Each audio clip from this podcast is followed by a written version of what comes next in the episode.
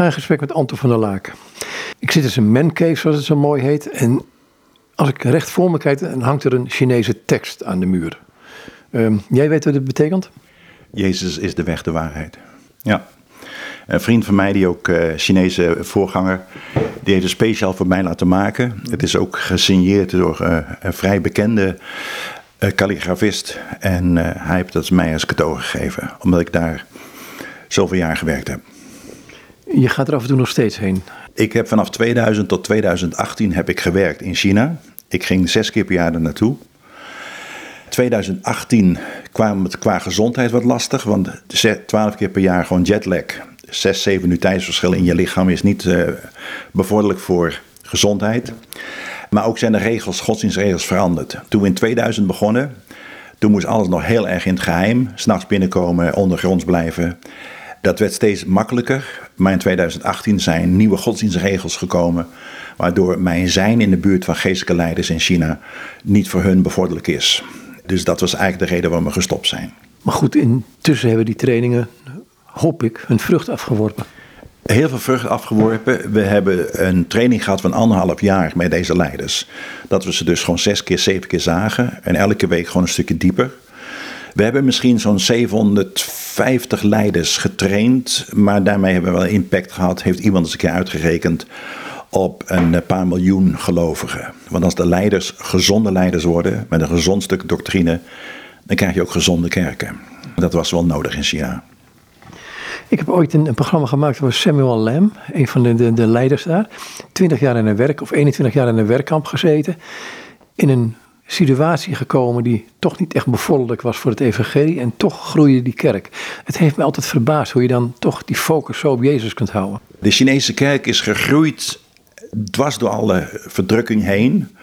Eigenlijk heel pragmatisch. Mensen hadden familieleden die ziek waren. Mensen hadden familieleden die gewoon ja, met boze geesten allemaal gewoon behept waren. De gewoon rare dingen.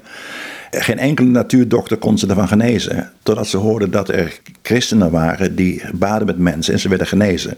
Dus de grootste groei van de christelijke kerk in China is eigenlijk door de wonderen die Jezus gedaan heeft. Die ook in die tijd deed. Wat natuurlijk erg moeilijk was, omdat er zo weinig gezond onderwijs en fundament was. Dat ook heel veel wildgroei zat. Waardoor eigenlijk de cultuur erg vermengd raakte met, met het geloof. Waar elk land natuurlijk last van heeft. Bijvoorbeeld, in de Chinese cultuur is schuld bekennen is een no-no. Gezichtsverlies is, is desastreus. Dus je kan in feite gewoon niet permitteren om als je verkeerde dingen gedaan hebt, dat te beleiden aan je gelovigen. Want dan ben je afgeserveerd. In de Chinese cultuur is het ook op een gegeven moment uh, dat je dan ook misbruik kan maken. Want iemand gaat het gewoon doen uh, wat hij gewoon wil doen. Uh, want hij weet is goed, ze mogen mij mijn gezicht niet laten verliezen. Dus ze zullen me niet erop aanspreken en openbaar maken. Dus dan krijg je ook hele rare dingen. Je moet altijd beschikbaar zijn als voorganger. Dus je bent in feite gewoon slaaf van de gemeente geworden. Ik heb wel eens gezegd tegen ze: ga nou eens een keer je belofte waarmaken aan je zoon dat je gaat vissen. Want elke keer, er komt er wat tussen, want die gemeente die heeft voorrang op alles. Zeg maar, ik weet precies hoe je aan de rivier zit. Dan zit je daar te vissen met je zoon en je bent voortdurend links en rechts over je schouder aan het kijken. En waarom? En dan begonnen ze te lachen. Ik zei, nou waarom? Om te kijken of iemand ons zag zitten en zou denken, hij doet niks. Zelfs s'nachts, als er gebeld wordt, midden in de nacht. Dominee, we hebben u nodig. Dan springen ze op hun fiets of op hun brommetje. En dan gaan ze door de reisvelden heen. Midden in de winter, stervenskoud. En eigenlijk is het gewoon een huishoudelijke ruzie. En moeten ze het oplossen. Komt hij weer terug, ligt hij eigenlijk om half twee s'nachts weer in zijn bed. Wordt hij gebeld, gaat hij weer. Hij moet reageren op de oproep van de mensen, anders is er geen goede voorganger. Ja, dat is erg ongezond. Maar er is een grote bereidheid in de Chinese cultuur, was een grote bereidheid toen om te sterven, om te lijden voor Christus. Want ja, als je deel hebt aan het lijden, heb je ook deel in de opstanding. Dus de offervaardigheid was enorm groot. Maar wat we dus zagen en hebben kunnen corrigeren bij heel veel, is dat ze dus ook hun kinderen opofferden. En dat is niet wat de Bijbel bedoelt. Hè? Je mag zelf wel jezelf offeren, maar je moet niet je gezin aan opofferen. Dus daarom wilden ook een hele hoop Chinese jongeren hun ouders niet daarin volgen. Wat bedoel je met het opofferen? Dat betekent dus dat je dus altijd weg bent en dat je niet aanwezig bent en dat de kinderen opgroeien zonder vader. En dat er op een gegeven moment gewoon uh, ja, tekort gedaan wordt. Kijk, eh, de tekst waar Jezus zegt: ja, wie vader, moeder, huis of uh, land lief heeft boven mij, is niet waardig mij te volgen. Nemen de Chinezen erg letterlijk.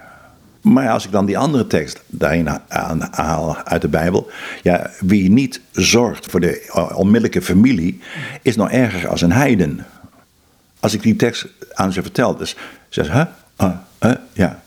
Dus de balans is erg, was erg zoek in heel veel gevallen. Maar ik heb zulke goede tijden gehad daar. En als er één ding is waar ik verdriet over heb, is het feit dat ik eigenlijk niet meer naar China kan.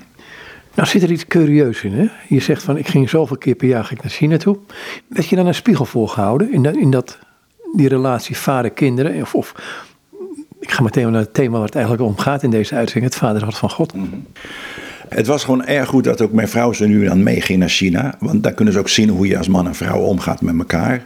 Uh, mijn zoon is ook een keer mee geweest. Maar uh, heel veel mensen zijn naar China toe gegaan om daar te wonen. Dat is gewoon heel goed. Deze mensen die gaan daar wonen, zijn christenen, gaan daar wonen, moeten een uh, cover-up hebben, dat ze dus legitiem daar kunnen zijn. Dat betekent dat ze heel voorzichtig moeten zijn met het uitreiken.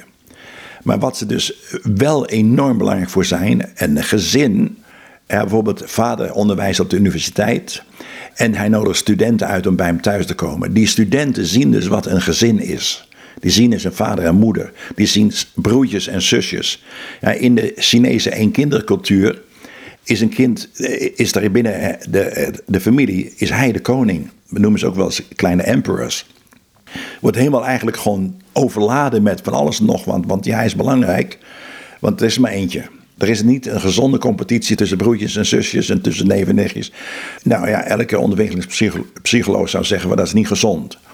Dus voorbeeldfunctie voor mensen die wonen in China is erg belangrijk. En gelukkig zijn er nog veel mensen, alhoewel heel weinig nog over zijn, die daar werken, een bedrijf hebben, werken.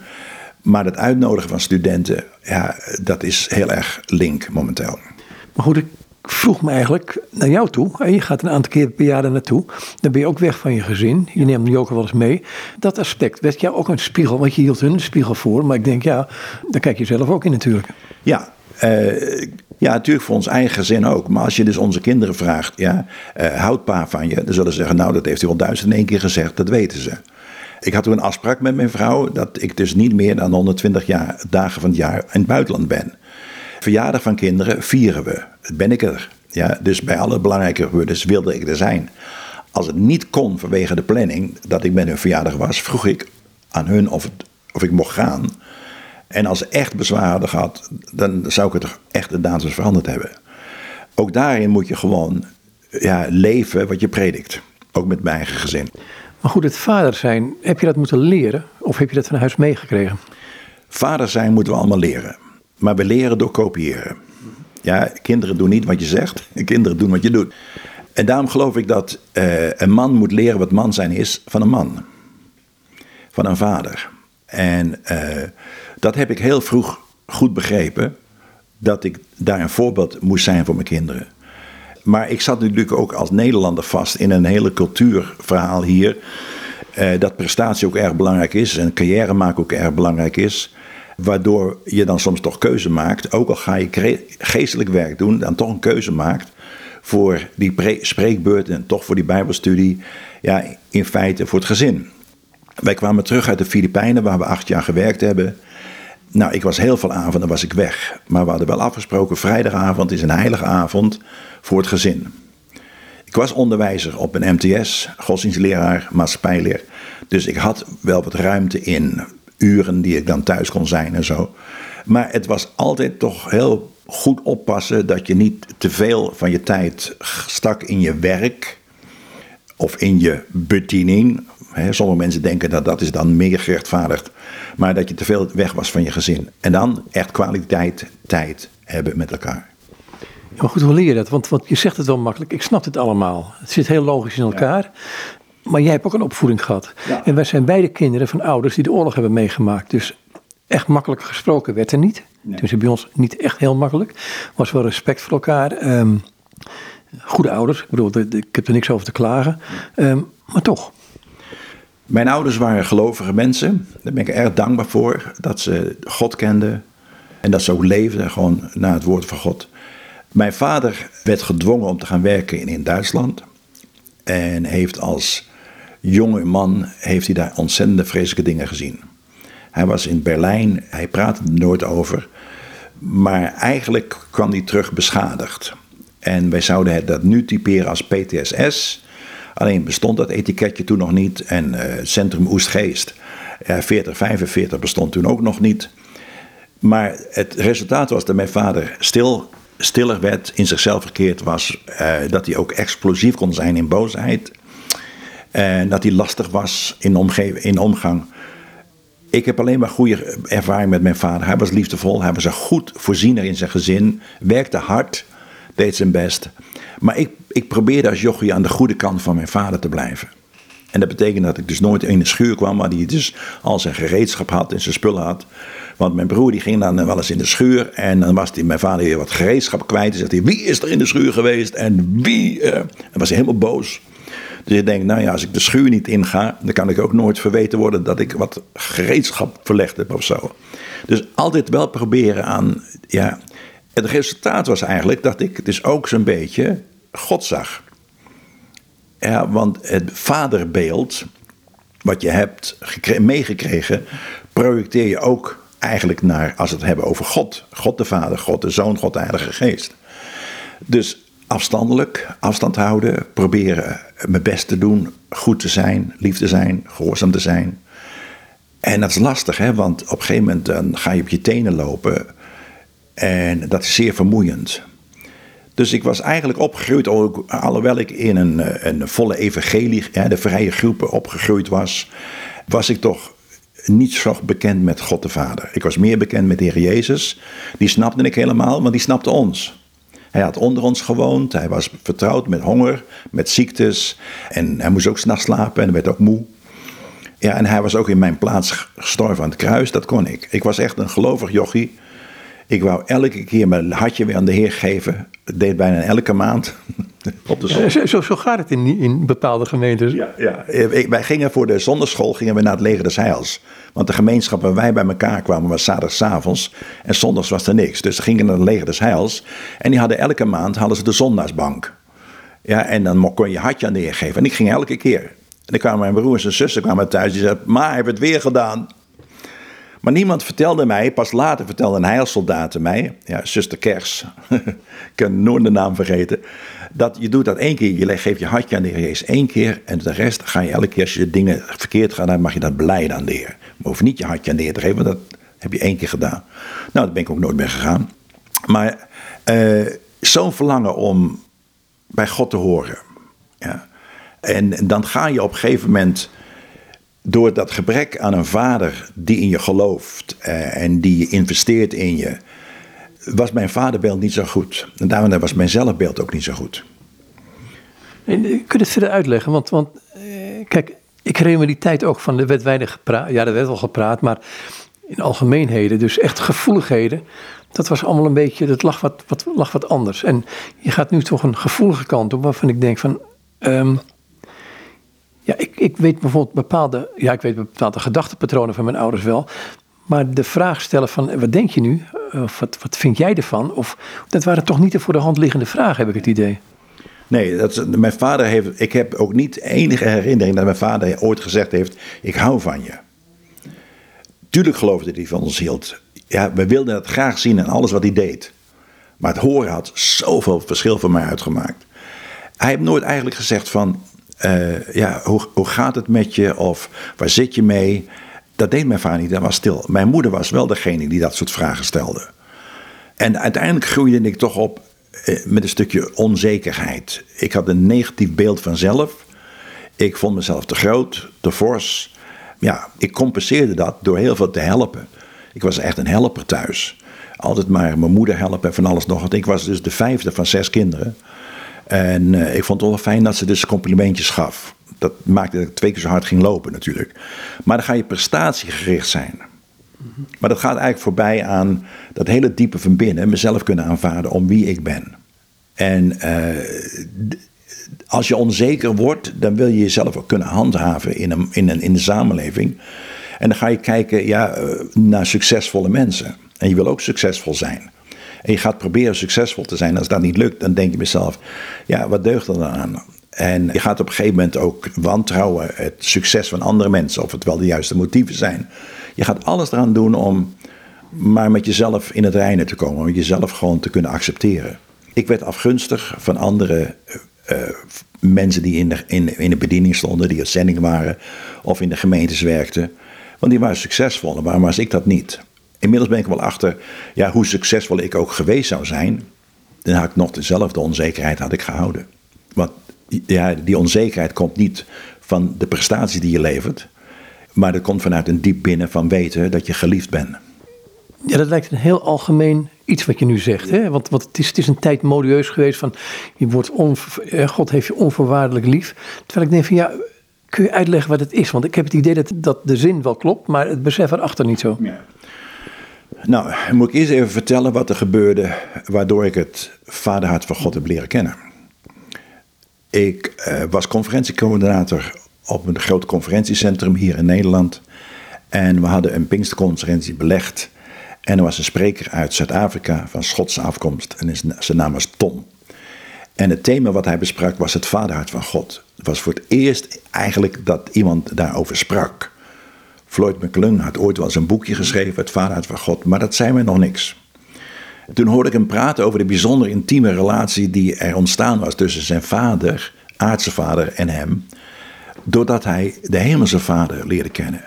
En hij sprak over God als een liefhebbende vader. En in mijn beeld was dat helemaal niet zo. In mijn beeld was dat die man niet zat te wachten tot je een fout maakt om te straffen. De aarde ging open, je viel erin, je weg was je. Dat was mijn beeld van God. Dus niet een... Ondanks het feit dat je in een, in een evangelische of een Pinkstergemeente kwam, vergadering kwam en daarover de liefde van God hoorde, Jezus in je hartje had gevraagd, zoals je zegt, ondanks dat alles. Ja. ja, want uiteindelijk, om het te kunnen pakken, ja, als je er geen enkel concept van hebt. Ja, kijk, mijn vader was. Ik, mijn, mijn vader hield van me, mijn vader zorgde voor me. Zo zag ik God ook. Hij hield wel van me. Maar wat het betekende, het gevoel wat erbij was, ja, dat wist ik eigenlijk niet zo goed. Het doet niet toe in welke kring je opgroeit. Uh, het was gewoon not done in, in die dagen. En op een gegeven moment, toen zei, zei hij aan het einde van zijn preek: Als je wilt weten ja, of God van je houdt, waarom vraag je het dan niet? Maar ja, ik kom uit een tijd dat je vroeg dat niet.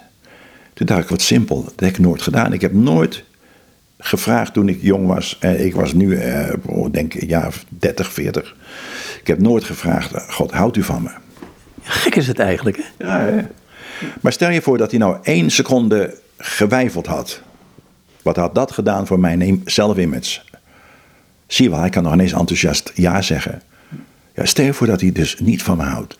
Je bent opgegroeid met een boodschap, God houdt van je. En toch, en toch, en toch. En nou, en dat was eigenlijk. En het, het, erge was, ik was natuurlijk al zendeling geweest, was voorganger geweest, uh, uh, ik was leider. Uh, en je, ik heb zelfs gesproken over Johannes 3, vers 16. Ja, want al zo had God de wereld. Joh, je kan praten over iets wat je wil. Maar als het niet beklijft en is niet doorleefd, als het niet in je gebeurd is, dan wordt het heel erg lastig om overtuigend te zijn. Dus die uitnodiging kwam, ga staan, ga God vragen. En ik zei, Heer God, ik heb het echt nodig. Ik ben eigenlijk een beetje mezelf zat. Ik ben niet tevreden met mezelf. Er zijn dingen die, waar ik nog steeds mee knok en worstel. En ik ben bang dat u daar eh, gewoon ja, dan toch niet zo goed van me kan houden. Ik heb gewoon nodig. Ik heb nodig om te horen dat u van me houdt.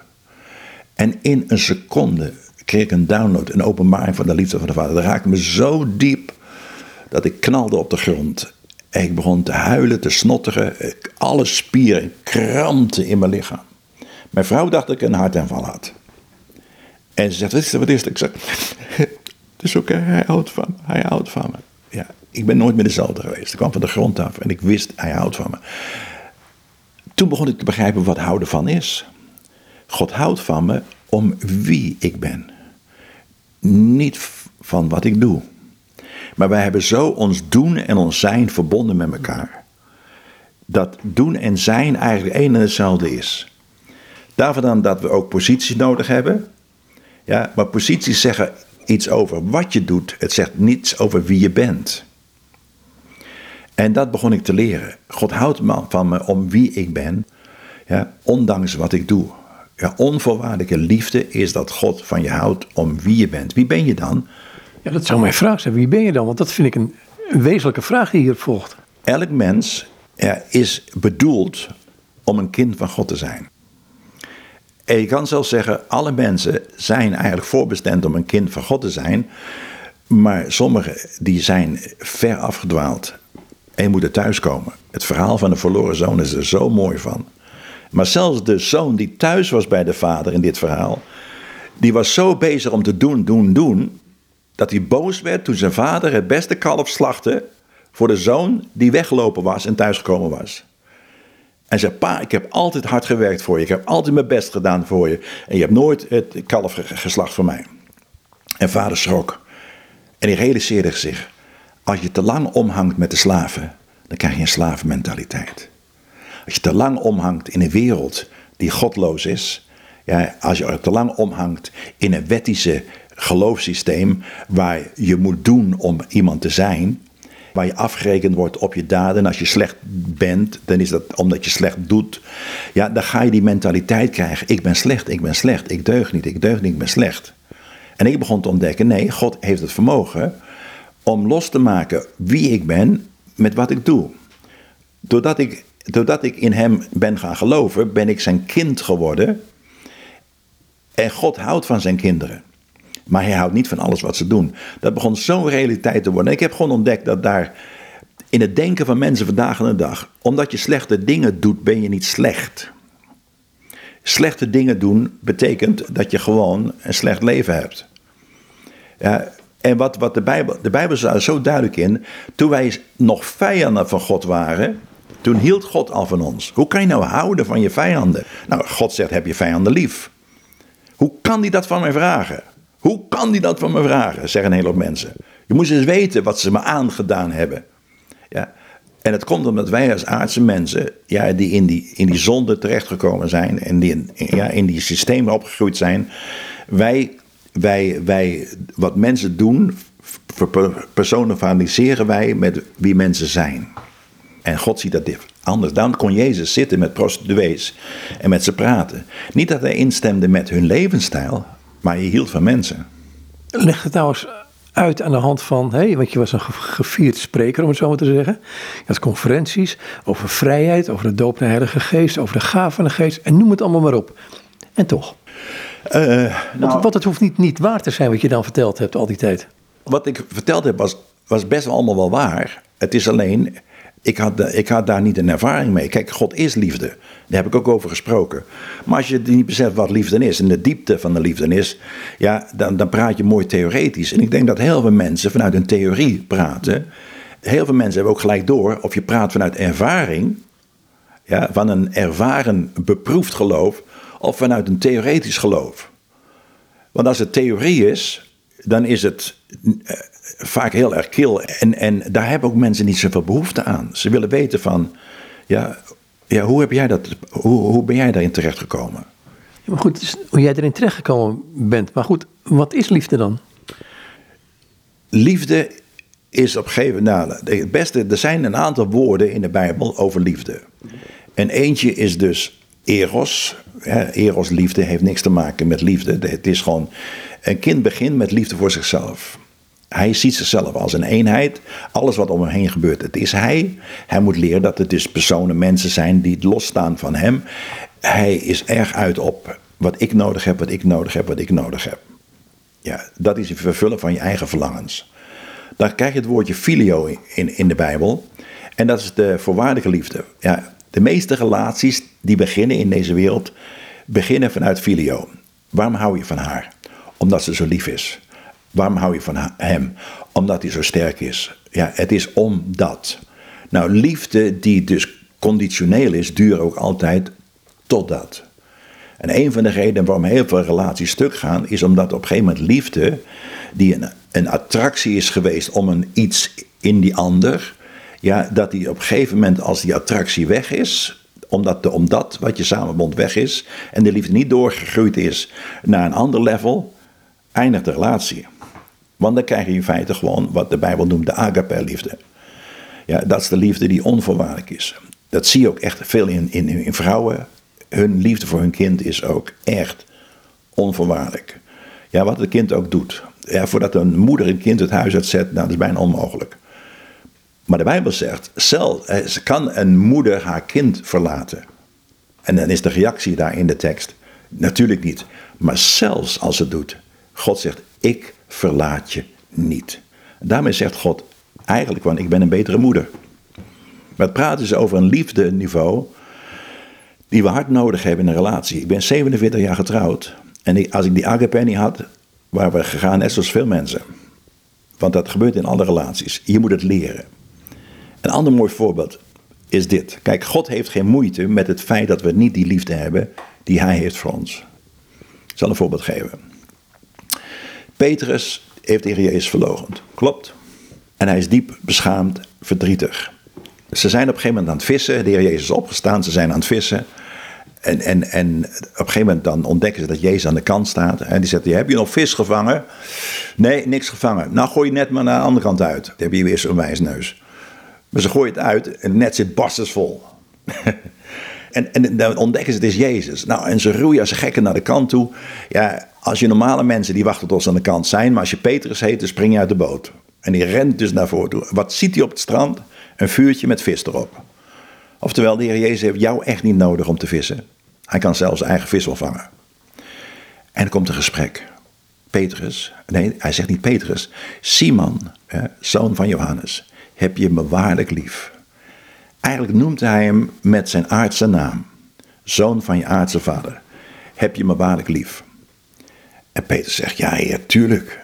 Ja, heb je mij meer lief dan al deze anderen? Ja heer, gij weet dat, natuurlijk. Tweede keer, heb je me waarlijk lief? Ja heer, u weet het. En de derde keer, als Jezus het vraagt, dan begint hij te huilen. Dan zegt hij, ga, je weet alles. Maar wat we niet gaan beseffen, is wat er staat in de originele tekst. De eerste keer zegt Jezus, vraagt Jezus, heb je agape liefde voor mij? Ja, heer, u weet het. Tweede keer zegt de heer Jezus, heb je agape liefde voor mij? Onvoorwaardelijk liefde voor mij? Ja, heer, u weet het. En de derde keer zegt hij, heb je filio voor mij? En dan daagt het een Petrus. Ja, ach heer, ja, u weet alles. Kom je hier bij het geheim uit, wat ook bij de verloochening van Petrus zo speelt. Dat hij kijkt Jezus in de ogen en hij beseft op dat moment, heb ik wel eens horen vertellen, van hij weet alles, hij weet alles. En dat, dat is natuurlijk moeilijk te doorgronden voor onszelf, dat hij alles van ons weet. Ja. Want we denken toch in zeer aardse termen over het algemeen, menselijke termen. Nou, daarom hoor je ook mensen zeggen, nou, ik leef best wel een goed leven. Maar zo gauw je komt tegenover pure heiligheid, dan besef je dat er niks van klopt. Nou, wat het mooiste in dit verhaal is, ja, ik zeg tegen mijn Chinese leiders en ook in Oeganda, overal zeg ik, zou jij de gemeente toevertrouwen aan een voorganger die zegt dat hij alleen maar uh, conditionele liefde heeft? Voorwaardelijke liefde. En ze zeggen allemaal nee. Ik zeg, dat is alles wat jullie ook hebben. Dat is alles wat jullie ook hebben. Ga niet pretenderen dat je meer hebt. Want er zijn altijd dingen waardoor we terugschrikken om niet te doen wat we zouden moeten doen. Ja, maar gek is, God heeft er geen probleem mee. Hij zegt, zorg voor mijn kerk, bouw mijn kerk, voed mijn kerk. Dus God heeft een vermogen om op een gegeven moment ons toch dingen toe te vertrouwen, ook zijn we niet volmaakt. Weet je waarom? Ja, omdat hij weet wat maaksel wij zijn. En God, die, die, die ik, vind, ik vind het zo mooi. Hè? God wil wel dat we eerlijk zijn. Ga niet pretenderen dat je geestelijker bent dan de rest. Wees gewoon eerlijk. Dit is wat ik heb in huis, meer heb ik niet. Maar wat ik heb, dat geef ik u. Nou, zo'n vader wil je toch volgen? Zo'n vader. Het, het, het, de openbaring van het vaderhart van God heeft in mij veranderd dat ik een betere vader werd, een betere man werd, meer van mensen kon houden. En dat ik nog steeds aan het leren ben, want het is natuurlijk al bijna 30 jaar geleden. Ja, meer ook leren om dus niet zo meningen te hebben over andere mensen. Het is niet aan mij om te oordelen. Ik, ik, ik ben nu in een fase dat mensen op een gegeven moment ja, gewoon zeggen van... Ja, ik zie zo de vader in jou. Nou, dat is het grootste compliment wat ik kan gekregen Dan zeg je nog iets curieus, want je bent bijna 50 jaar getrouwd nu. De eerste 20 jaar van je leven ehm, had je dit besef nog niet voldoende. Dan ben je geen slechte vader, dat, dat wil ik ook niet zeggen. Wat is dan het verschil met daarvoor en daarna? En hoe hebben jouw kinderen of je vrouw dat gemerkt? Oh, mijn vrouw kon het echt merken, ja. Gewoon, ja, je zou het haast en haar moeten vragen. Wat heb je het meeste gemerkt bij je? Kijk, mijn kinderen, die, eh, dit is in 1990 geweest. Dus ik was toen 8 en 38 toen het gebeurde. Uh, ik was zachter. Ik was rustiger. Ik was minder, minder veroordelend naar mijn kinderen toe. Gewoon meer begripvol. Naar mijn vrouw ook. Naar mensen ook. Ik kan nog steeds een hork zijn af en toe hoor. Dus, maar dan, dan val ik weer terug in mijn mens zijn, in mijn vlees zijn, mijn aardse bestaan. Want het is een leerproces.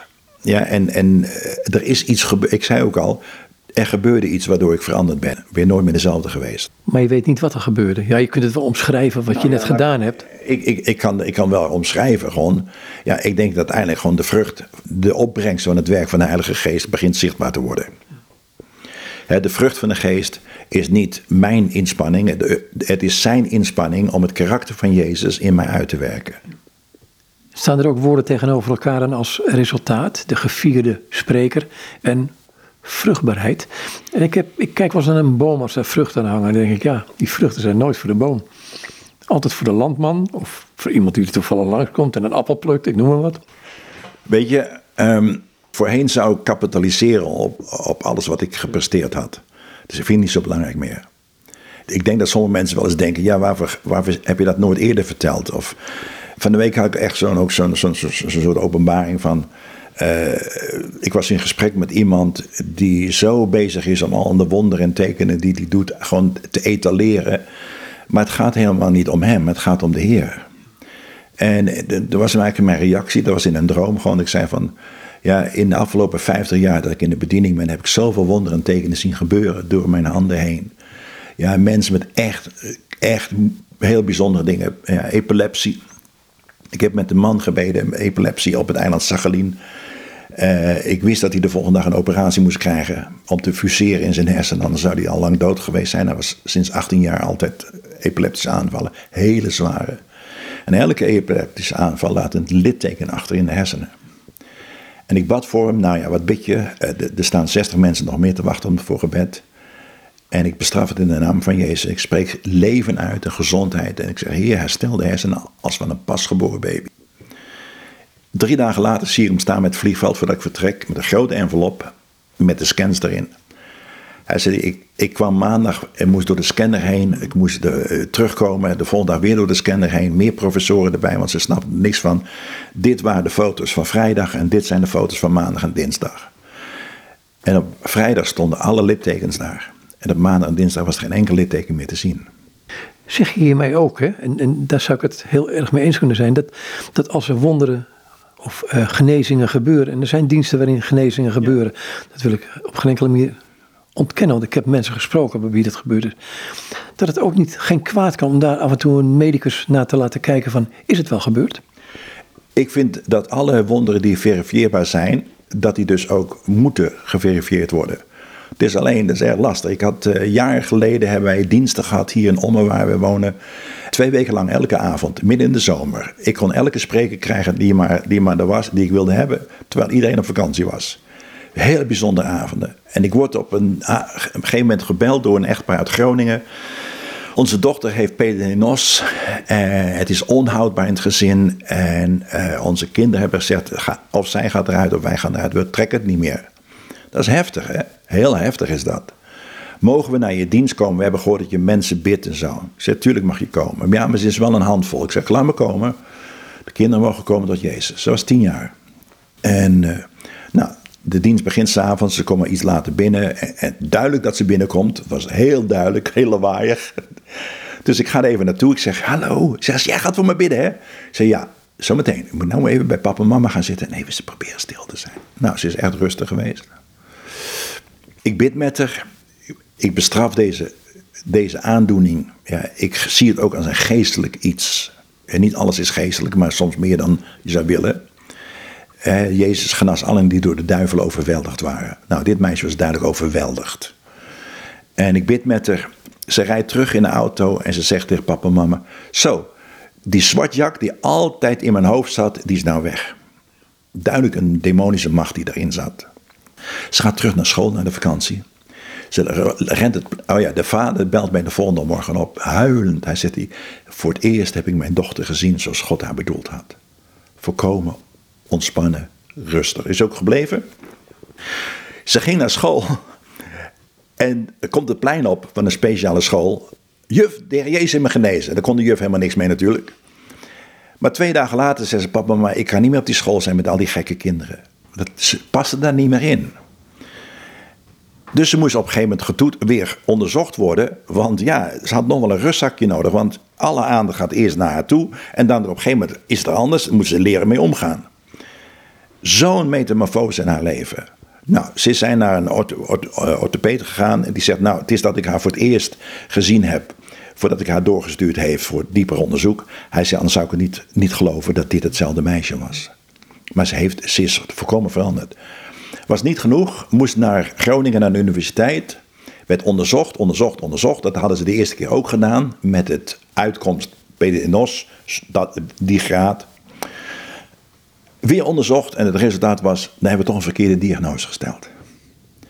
Nou ja, ik kan begrijpen dat ze niet om kunnen gaan met wonderen, maar ze hebben in ieder geval wel bevestigd dat ze het niet meer had. Ja, en ik vind het heel belangrijk dat mensen gewoon bij de dokter gaan en wat getest kan worden, brengt alleen maar meer glorie voor God. Ik heb twee voorbeelden eruit. Eén vrouw die inderdaad ook op die manier, wat jij vertelt, genezen was en door artsen geverifieerd werd van dit kan niet anders dan genezing. Het andere geval, iemand die ook genezen was, waarvan de omgeving dan zei van ja, dat zul je het wel nooit gehad hebben. Dus dat, dat kom je ook tegen. Ja, kom je ook tegen. Eh, er is een man geweest, hij was een zakenman. Hij had een aantal uh, grote winkels. En die had dus acute leukemie. Had hij. De arts had hem niet lang gegeven. Hij zegt, maar goed, hij zegt, die, uh, ja, dus ik heb altijd pijn. Ik kan niet slapen zonder medicatie, altijd pijn, slecht slapen. Ik zei, nou, dan gaan we voor je bidden. Bad, hij kwam de volgende week terug. Hij zegt, ik heb minder pijn, ik heb ook minder medicatie. Dan gaan we weer voor je bidden. Bad uiteindelijk. En uh, toen na een, een, een, een paar weken, toen belt hij op. Ja, zit hij, ik ga naar de Pinksterconferentie, dus ik kon niet vanavond naar de dienst. Hij zei, maar we zijn bij de dokter geweest. En de dokter heeft de uitslag gegeven van de scans, de laatste scans. En hij zegt, hij zegt meneer, u bent hartstikke schoon. Hij had ook voor zich laten bidden in de gemeente. En hij had gezegd, ik wil dat er voor me gebeden wordt, gezalmd met olie. Had hij gedaan. Hij was gehoorzaam geweest. Zeggen de een van de ouderlingen, zegt ja, maar ik wil niet altijd zeggen dat je geneest hoor. Zegt hij, ik bestraf dat in de naam van Jezus en je spreekt nou ongeloof uit. Deze man mocht zijn getuigenis niet geven in zijn kerk. Want we moeten immers kijken of het niet terugkomt. Ik vind dat een ongezond klimaat, een gemeente waar we niet meer geloven in de genezende kracht van Jezus, vind ik niet een gezonde gemeente. Dit, dit, dit zeg je zo, hè? Ehm, en dan denk ik twee dingen. Je kunt natuurlijk de vraag stellen van, je zit in een, in een gemeente, hè, die, die je net schetst, dit moet aangeboden worden en je wordt niet genezen. Je bent ernstig ziek, je wordt niet genezen. Is veiligheid He, eh, je wilt toch ook veilig in een gemeente zijn waar je kunt komen, waar je gewoon weet, ik ben niet thuis, ik ben niet veilig. He, je hebt het over God als vader, in, in, in de aanwezigheid van je vader. Uh, zonder dat. Snap je een beetje wat ik bedoel? Want, want het kan zo uit onbalans raken. Ja. Ik heb heel veel wonderen tekenen zien gebeuren. Echt hele krachtige wonderen tekenen. Ook gewoon in ons eigen ministry bediening. Maar er zijn ook mensen die niet genezen zijn. En dat is een mysterie. En ik vind nog steeds genezingsbediening het grootste mysterie. En als mensen gaan zeggen, ja, maar Jezus is aan het kruis gestorven voor alle ziekten, dus we hoeven niet meer ziek te zijn, maar we worden wel ziek. En we hebben daar ook dan een herstel- en genezingsproces nodig. En daar heeft God ook voor gezorgd dat ons lichaam kan herstellen. Je bent ook een prachtig ziekenhuis, een prachtige artsen. ja. Maar op een gegeven moment, dan kan het zelfs zo extreem worden dat op een gegeven moment een gemeente die zo sterk gelooft in je moet genezen, want Jezus heeft het volbracht, dan krijgen we dus allerlei ook beschuldigingen. Dan zal er wel wat fout zijn. Dan is de verborgen zonde. Kan. En dan moeten we het opruimen. Dan is de onvergevensgezindheid. Kan. Dan moeten we dat opruimen. Misschien zijn er gewoon bindingen vanuit de geslachten. Kan. Dan moeten we het opruimen. Maar op een gegeven moment dan moeten we oppassen dat we niet mensen gaan veroordelen dat ze nog ziek zijn. Want dat heb ik ook meegemaakt.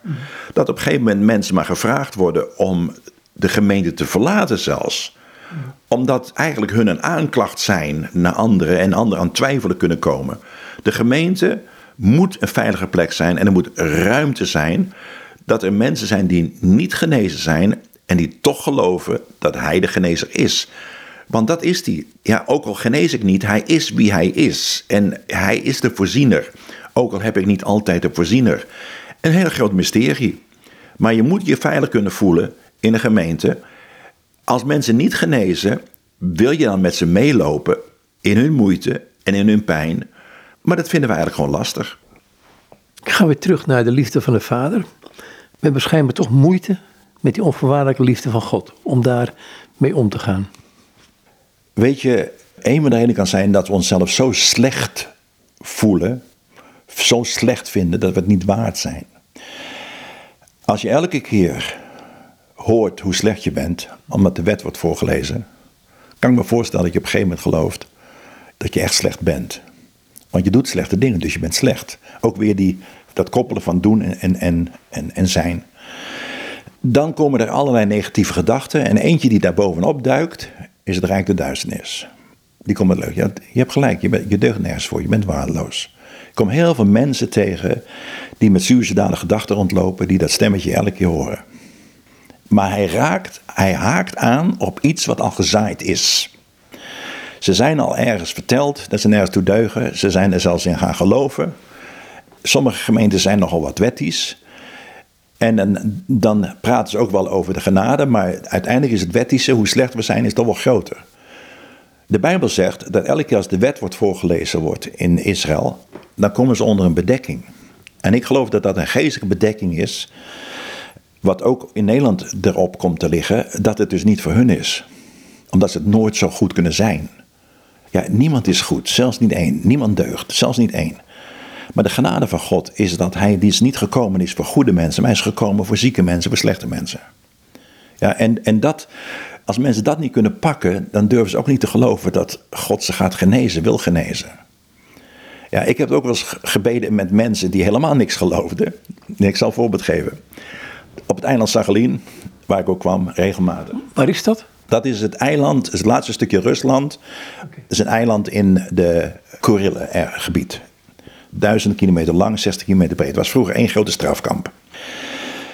Ik geef overdag leiderstrainingen en s'avonds vind ik het leuk om in gemeentes te spreken. En dan ga ik het meestal hebben over het ABC. Jezus redt, Jezus geneest en Jezus bevrijdt. De drie, het ABC van het evangelie.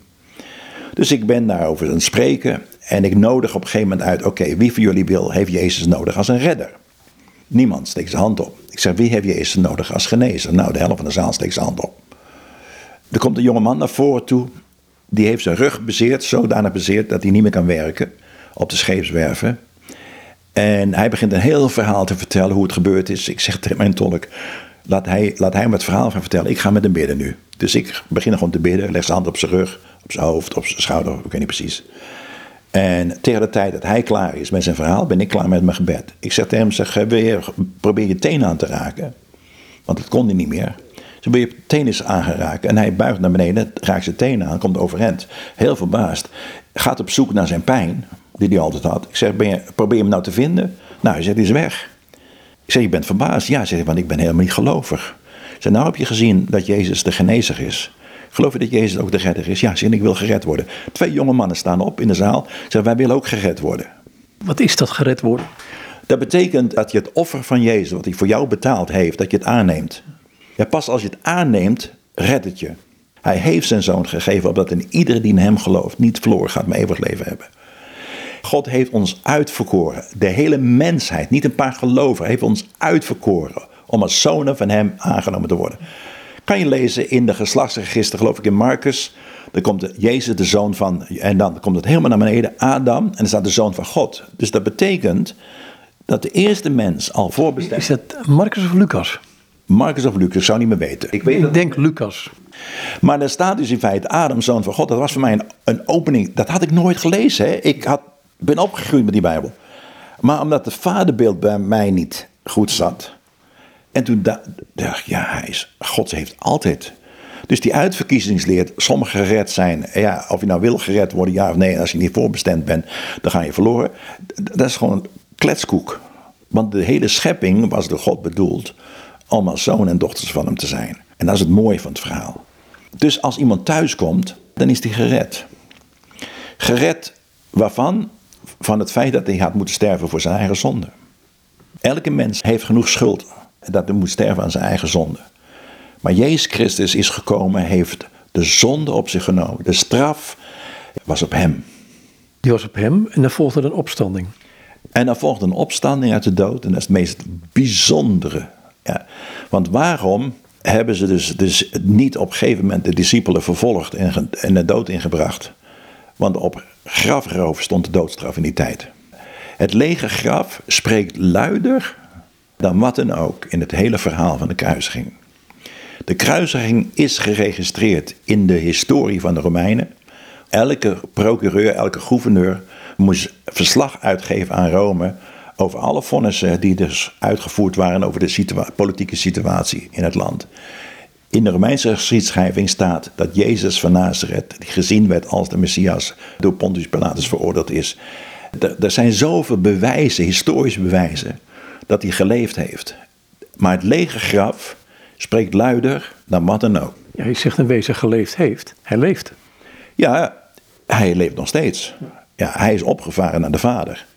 En de Heilige Geest is gekomen. En dat is, dat, is het goddelijke wat het dichtst bij ons woont. Want hij heeft door zijn geest in ons hart de woning gemaakt. Ga ik weer terug naar het begin. Hè? Dat, dat, vaderhart van God. Je zegt, oké, eh, ik was bang. Die angst, was het ook een angst voor het kwetsbare, het, het, het liefdevolle... Wat, wat eigenlijk maakt dat je ook weer in je naki komt te staan? Nou ja, in je naki staan is nooit leuk natuurlijk. Maar de grootste factor angst is angst voor verlies. Verlies van gezondheid, verlies van acceptatie is de grootste angst. En daarom durven we onszelf ook niet bloot te geven en eerlijk over onszelf te zijn. En je zal maar weinig voorgangers vinden die op een gegeven moment ook durven te praten over hun eigen worstelingen. Deed jij dat wel? Doe jij dat wel? Ja, doe het wel, ja. Ik zal het je noemen. Het gaat eigenlijk helemaal niet om aantallen. maar ik heb een keer eh, conferenties gehad waar ik twee grote sprekers in Nederland ook bij uitnodigde. En die wilden gelijk met mij allemaal doen. Daar was ik al erg verrast over. Dat ging over de Heilige Geest, het heette Koninkrijk van Kracht. En die gingen op een gegeven moment zelf ook op een andere locatie in het land. Gingen ze ook een Heilige Geest weekend houden.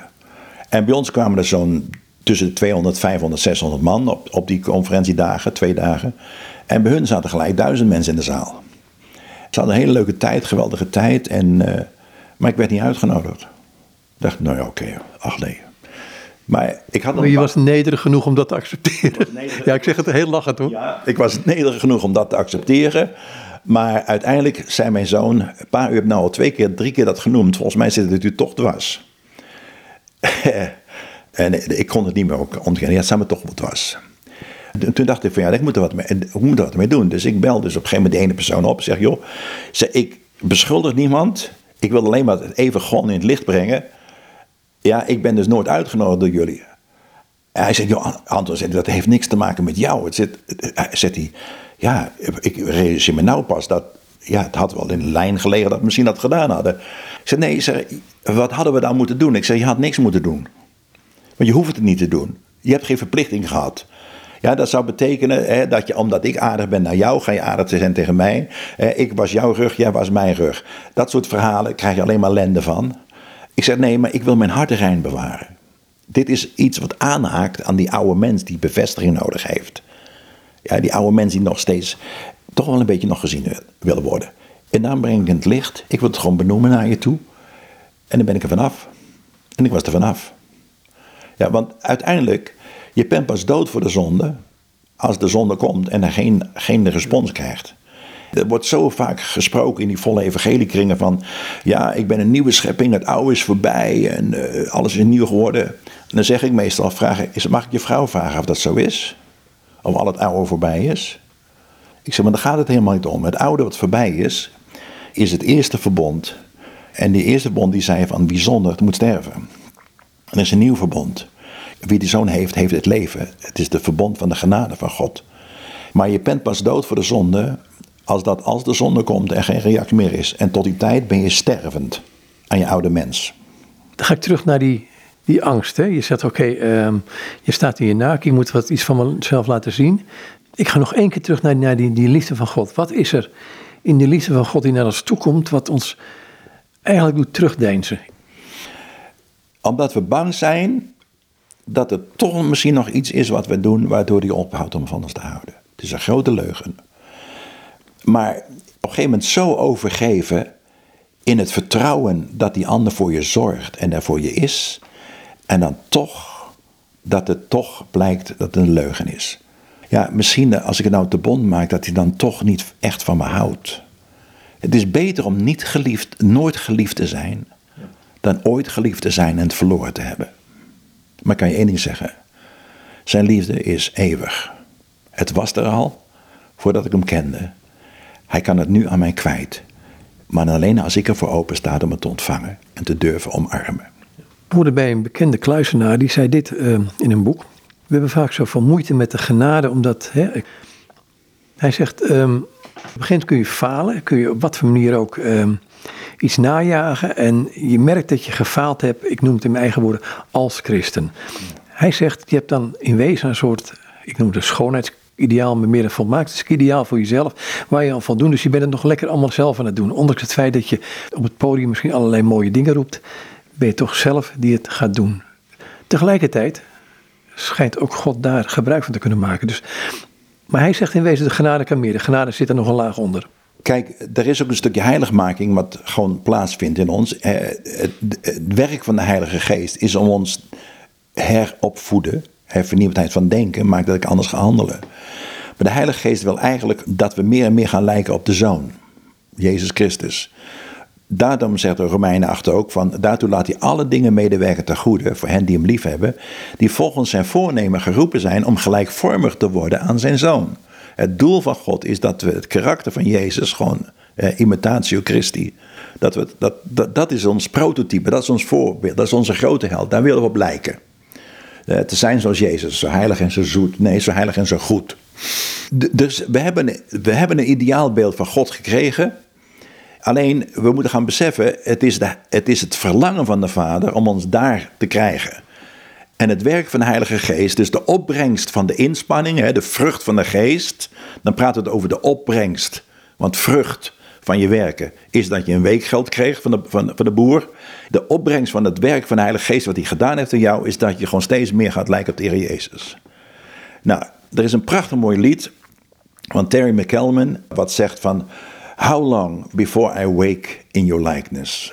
Hoe lang voordat ik wakker word en ben zoals u bent? En dat moment gaat komen. Hè? Op een gegeven moment, als de Jezus terugkomt, dan in een oogwenk zullen we gelijkvormig zijn aan Hem. Dat is mijn grootste verlangen. En één ding wat ik moet doen, is ik moet meewerken met de Heilige Geest. Ik kan wel heel erg hard gaan werken, bidden en vasten en bidden, bidden, bidden. Dan ga ik een kluizenaar worden die op een gegeven moment op een paal gaat zitten en gaat, gaat, gaat afzien van alles en nog wat. Nee, ik moet me overgeven aan dat werk van de Heilige Geest, die serieus een taak op zich genomen heeft om ons gelijkvormig te worden aan het beeld van Jezus. Ik word getroffen door die Christushymne in Colossense 1. Uit hem, door hem, voor hem. En dat hij ook alles op aarde en in de hemel met zich zal verzoenen. Dus dat zijn werk, dat wil hij weer. Ja, hij wilde dat het weer van hem wordt. Hè? Tuurlijk geloof ik dat als we een paar goede voorbeelden zouden hebben, dan zouden mensen zich eraan op kunnen trekken. En ik geloof dat dat, als er meer goede voorbeelden zijn van mensen die eh, de waarde en normen van het koninkrijk van God uitleven, dan gaan we een verandering wel krijgen in onze maatschappij. Dus daar zitten we ook wel op te wachten, ja. Nog één keer het Vaderraad van God, de afsluiting. Um, je gaat nog naar uh, Oeganda toe zo af en toe om daar, daarover te leren. In een nutshell. Oeganda is een land wat drie generaties niet goed bevaderd is. En alle problematiek die daar ligt, is daarop terug te voeren. De rol van de vader begint eigenlijk pas weer goed terug te komen in, in, in de wereld. Voorheen was uh, vader een lulletje bonenstaak. Laat hij maar achter de televisie zitten en uh, hij heeft niet zoveel toe te voegen. Alleen maar geld verdienen. Maar de rol van de vader, die onderbelicht is geweest, komt weer echt naar voren toe. Een vader is degene die een kind in een stukje identiteit brengt door zijn naam te geven. Dan is hij dus een burger geworden. De vader moet ook grenzen aangeven bij zijn kinderen. En ook leren dat als de grens overschreden wordt, dat het consequenties heeft. Een vader is degene die ook op een gegeven moment kinderen moet leren wat een gezonde aanraking is en wat een ongezonde aanraking is. Knuffelen hoort erbij. Als hij dat niet doet, dan worden meisjes aangeraakt ja, en dat vinden ze zo heerlijk en ze werpen zich in de armen. Nou, we zien heel duidelijk in de Oegandese cultuur het gebrek aan vaderschap. Er zijn heel veel mannen overleden door eh, Idi Amin, die ze dus uitgemoord heeft. Daarna kwam AIDS, en maar kwam ook gewoon 30 jaar lang burgeroorlog, stamoorlog. Ja, wie wordt nou de nieuwe leider? En zijn zoveel mannen gestorven dat er dus gewoon bijna twee keer zoveel vrouwen zijn als mannen. Maar het gebrek aan gezonde bijbelse waarden en normen maakt dat het een grote ellendige chaos is en ze in armoede blijven. Op een of andere bijzondere manier is ons onderwijs ertoe bijgedragen door we nu in de cultuur gewoon hervormingen aanbrengen. Ik doe een mannenconferentie met meer dan 1700 man. Het is nog nooit gebeurd in de geschiedenis van Oeganda dat meer dan duizend man bij elkaar gekomen zijn. Er zitten moslims, er zitten katholieken, er zitten protestanten, er zitten mensen die zelfs nog mensenvlees eten. Die zitten allemaal daar, al die mannen, de hele dag. En het thema is: breng je huis op orde, put je huis in orde. En ze komen omdat ze iets ervaren, we hebben iets nodig, ja, wat deze man brengt. Ik preek niet Jezus Christus gekruisigd, ik preek het principes van het koninkrijk van God over opvoeden, over man en vader zijn. En de verandering die dat met zich meebrengt is gigantisch. Heerlijk om dat te zien. We hebben nou een paar van die, van die dagen gehad. Maar deze mensen in Oeganda hebben honger om te gaan beseffen wat een vader is. En ik geloof dat hierdoor ook dus nu wat gebeurt is dat sommige moslims ook God de Vader gaan leren kennen in een ander beeld als dat ze ooit geleerd hebben. De naam Vader kennen ze niet voor hun God. Nee, dat kennen ze niet. Maar kijk, de God in de islam is natuurlijk, ja, de is Allah. Ja, alles wat gebeurt is ja, de wil van God. En dat is niet onze God. Onze God wil niet het slechte en het verderfelijke en het ziekelijke en alles. Het is het gevolg van de zondeval. En als ik het heb over God de Vader, ja, het is moeilijk, ze moeten zelf die ontdekking gaan doen. Maar ik onderwijs wel vanuit dat ik zeg, ja, Isa, want Isa kennen ze, die staat in de Koran. Isa wordt geloof ik twaalf keer genoemd, Mohammed maar drie keer. Dus wie is nou de grootste profeet? dat zeg ik altijd. Maar ik heb heel veel ingang en, en moslims komen graag en moslims willen graag meer horen daarover. Want het helpt hun om hun gezin te verbeteren. Isa is Jezus. Isa is Jezus, ja, in de Koran. En Isa heeft een bovennatuurlijke geboorte volgens de Koran, want anders kan die dus niet zo goed zijn. En, kan hij ook niet, en Isa staat bekend als de genezer, die wonderen doet. Ik word hier wel later. Dankjewel. Graag gedaan. En dit is Onder van der Laken. Met hem was ik een gesprek over Kingdom Ministries. Of de principes die erachter liggen. Het vaderhart van God. Datgene wat hij uitdraagt in China. Ook in Rusland heeft gedaan. In uh, Armenië gaat doen. Maar ook in Oeganda. Goed, nogmaals dus het zo over dit gesprek met Anton van der Laak.